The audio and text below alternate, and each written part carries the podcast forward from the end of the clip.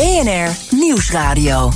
De Tijd om belangrijk eh, zakelijk nieuws van dit moment door te nemen. Samen met Maria van der Heijden van MVO Nederland... en Stan Westerterp van Bond Capital Partners... voor een blik op de beurs. En misschien ook wel een blik op Powell. Heb je ook gekeken? Uh, ik heb niet gekeken. Ik heb wel even teruggelaten. Ik ben niet zo'n fan van Powell als dat Eden dat, uh, dat is. Wat, wat ik overigens miste, Eden, in jouw verhaal... is het feit dat Powell zei dat het desinflatoire proces in gang is gezet. Met andere woorden, hij geeft nu min of meer toe... ja, we zien inflatie dalen, maar we zijn nog in het beginstadium. En ook wat jij zei over de, de verdere renteverhoging die eraan komen... de markt is het inderdaad daar gedeeltelijk maar mee eens. Van 22 maart is er weer een vergadering.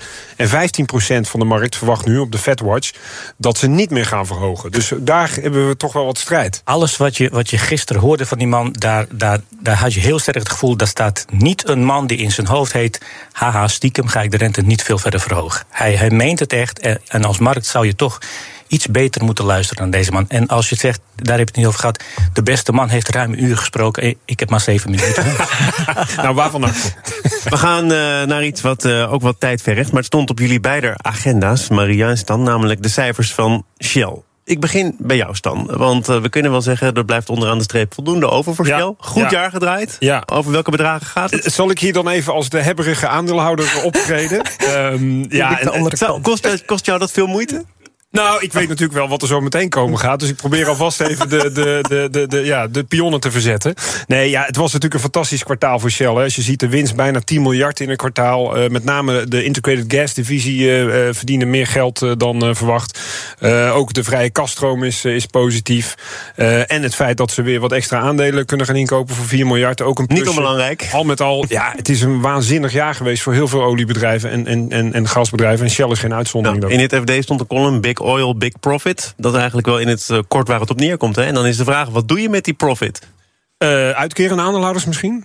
Maria, doe je dat inderdaad met je profit? nou ja, dit laat zien, hè. de winst is voor de bedrijven en de kosten is voor de samenleving. En uh, ja, dat is toch niet wat we willen. Want uh, vorig jaar hebben de consumenten hoge prijzen betaald hè, voor, voor olie en voor gas. En uiteindelijk maakte een bedrijf, en Shell is niet de enige, ExxonMobil kwam ook al met een exorbitant bedrag naar buiten. En dan vraag je wel af, hoe, ja, moeten we hiermee doorgaan? Moet dit nou naar aandeelhouders? Gaan we hier meer dividend voor uh, beschikbaar stellen? Maken we de rijken rijker? Of zorgen we dat we dit ook echt, dit geld, gaan investeren in die hele transitie? Nou, het gaat voor een deel ook naar de staatskas. Hè? Er is een belasting opgelegd uh, die ook uh, oliebedrijven raakt. 2 ja. miljard in het geval van Shell. Ook niet helemaal te verwaarlozen, toch of wel? Zeker niet 5 procent. Nee, kijk, in die zin, ik, ik maak net een, grapje van de hebberige aandeelhouder. Tuurlijk, als je ergens in een bedrijf belegt, dan verwacht je daar ook een soort rendement op. Uh, maar het gaat ons ook om uh, dat er op lange termijn rendement kan worden gemaakt. Dus ik maak altijd de vertaalslag, het hoeft elkaar niet te bijten. Want uh, ja, duurzaamheid is ook vrij logisch. Je wil een bedrijfsmodel hebben dat op de lange termijn ook houdbaar is. En ter verdediging van Shell, het is niet zo dat ze niets doen aan de energietransitie. Natuurlijk sterker nog, het is een van de grootste investeerders in Nederland ook. Ja, en dan nog valt het in het niet bij dit soort winstbedragen die toch vooral naar aandeelhouders gaan. En dat is mijn principiële bezwaar. Dat uh, met een econoom uh, ook aan de overkant. Uh, ik, ik heb, de vraag is altijd vanuit welke economie definieer je een succesvol profit. En per saldo denk ik dat het de komende decennia heel erg gaat over welke impact realiseren we richting planeet, richting mensen. En dat betekent eigenlijk dat we die transitie in die economie echt moeten maken. Dat we dus die andere niet-financiële waarden veel meer laten tellen. En dan kom je tot hele andere cijfers. Maar op het moment dat je met fossiel nog dit soort winsten kunt realiseren, is het wellicht ook ingewikkeld om daar echt van af te stappen. Ja, klopt. Omdat dat is. je hebt de AEX en nou, we hebben de NEX eh, ontwikkeld, de nieuwe economie-index. En die gaat uit van die andere waarden. En dan zie je dat slechts 5% van de financiële stromen van pensioenfondsen, banken, verzekeraars, die gaan richting die nieuwe economie. En dat betekent dus dat dat zo weinig is dat we niet richting dat kantelpunt gaan. En nogmaals, die beweging is cruciaal. En elke dag dat we het langer uitstellen, kost ons uiteindelijk meer. Overigens, uh, een beetje voortbordurend wat jij al zei. Shell zegt altijd, wij zijn bepaald niet het slechtste jongetje van de klas. Hè. Wij investeren dus wel degelijk, ook als je kijkt naar uh, de Nederlandse investeringen... in die nieuwe energie, waterstoffabrieken. Elsevier had er uh, ja. onlangs een tien pagina tellend artikel Windparken, over. ja, zonne, ja, dat dat is natuurlijk ja. ook, ook toch wel zo.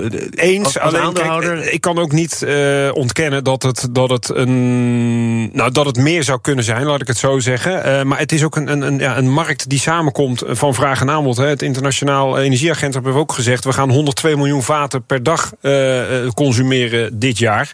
Shell is ook een, een, een, onderdeel daarvan.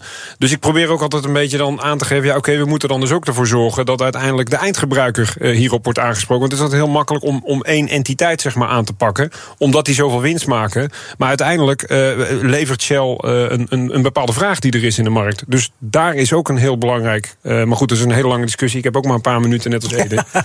maar daar denk ik dat er ook heel veel tijd en energie vanuit de overheid in moet Lotgenoten hier aan tafel. Maria, um, een paar minuten over een andere belangrijke kwestie. Crisis, zo je wilt, namelijk de stikstofcrisis. Ja. en welke rol dat gaat spelen bij de komende verkiezingen voor provinciale staten. Wat verwacht je daarvan? Nou, dat gaat zeker een rol spelen.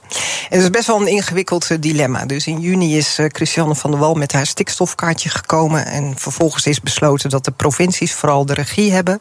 Dan zijn er provinciale statenverkiezingen in maart. En dat betekent toch dat je ziet dat daar nou, op provinciaal niveau niet al te uitgesproken uh, oplossingen uh, ingebracht worden, omdat dat wellicht stemmen kost. Dus iedereen houdt zijn kaart een beetje tegen de borst. De landelijke, de nieuwe minister Piet Adema, die is met een tafel begonnen en met overleg. ook daarin zitten natuurlijk heel veel verschillende partijen. Doet me een beetje denken aan de klimaattafels die een paar jaar geleden georganiseerd zijn. En je ziet nu dus dat er toch een soort impasse is van overleg en ja, voor mijn gevoel vanuit de politiek, hè, de landelijke politiek uh, heeft het neergelegd bij de provincies. De provincies zitten met statenverkiezingen. Ja, en voor je het weet zitten we dadelijk in het tweede kwartaal. Maar is het logisch dat je de uitvoering van die plannen toch ook daar legt waar het moet gebeuren, namelijk in die provincies. Waarvan volgens mij uit een rondgang van de NOS eerder deze week nog bleek dat heel veel provincies überhaupt geen overzicht hebben van welke vergunningen welk bedrijf heeft of nodig zou hebben. Ja, nee, het is, het is heel, heel ingewikkeld. Ik denk wel dat het goed is dat provincies hier zeker een rol hebben. Dat die dichter bij de bedrijven zitten. En kijk, waar ik natuurlijk altijd heel erg voor pleit, ga aan de slag met de bedrijven die wel willen. Uh, zorg dat je een coalition of the willing creëert. We hebben zelf met zo'n 50 uh, partijen in de agrarische sector de hele keten eigenlijk. Dus retail, verwerkers, afzetcoöperaties. Um, en maatschappelijke organisaties zijn we gewoon aan het kijken van ja, hoe gaan we nou wel dat natuur inclusief boeren uh, realiseren. Dus ook dat is denk ik heel belangrijk. Gewoon kijken en aan de slag met partijen die wel willen. Om te laten zien dat het kan en dat het werkt. En zorg wel dat je daar dan als overheid ook wat uh, uh, begeleiding in geeft. En dat je daar de ruimte voor geeft.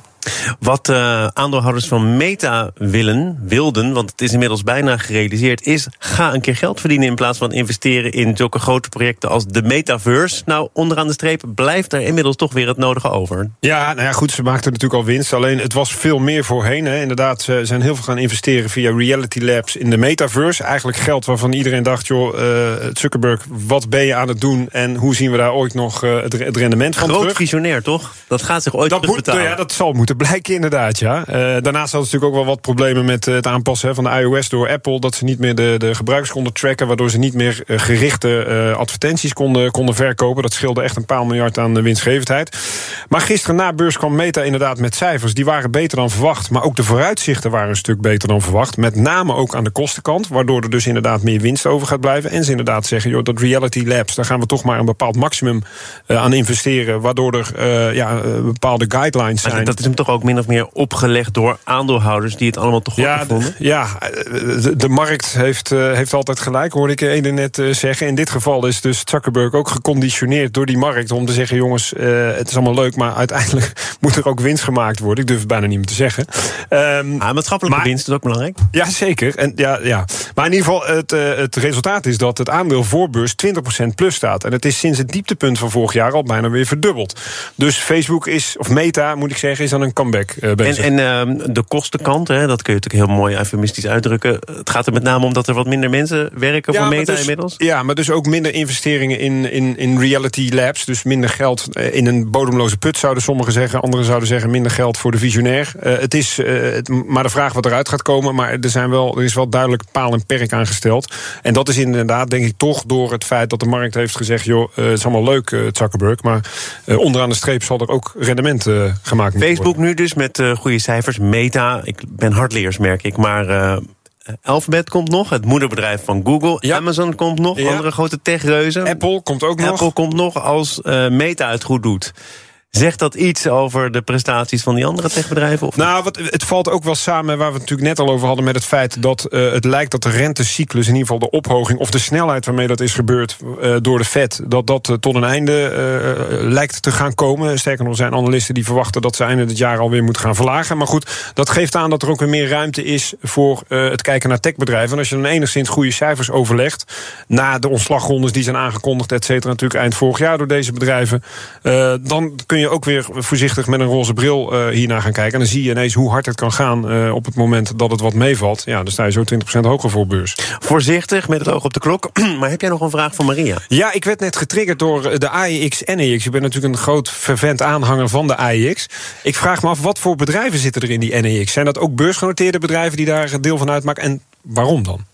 Ja, eigenlijk zijn het uh, macro-economische berekeningen. Dus we kijken naar de cijfers van CBS, PBL, alle cijfers die uh, landelijk aanwezig zijn. En die worden door CEO, Stichting Economisch Onderzoek, uh, geanalyseerd op die zeven thema's: nieuwe rijkdom, biodiversiteit, circulaire economie. En dan komen we op een percentage waar we staan als Nederland ten aanzien van die nieuwe economie. Er zit beursgenoteerd en niet beursgenoteerd. MKB, familiebedrijven, alle bedrijvigheid in Nederland zit daarin. En we zitten nu op het percentage van 16,5 procent. En die 5 procent die ik net noemde, gaat heel erg over die financiële stromen. Ja. Uh, maar daarnaast hebben we percentages voor transparantie in de handelsketens. En dat gemiddelde is 16,5. Maar wij kunnen niet beleggen als zodanig in deze index. Nou, nee, dat hebben we nog niet geïntroduceerd. Okay. Okay. Maar nou, je kan wel partner worden bij ons. En ja. dan doe je mee in die hele transitie. Dus welkom. Stan Westerterp oogt in ieder geval enthousiast van Bond Capital Partners. Dank voor je komst. En met Maria van der Heij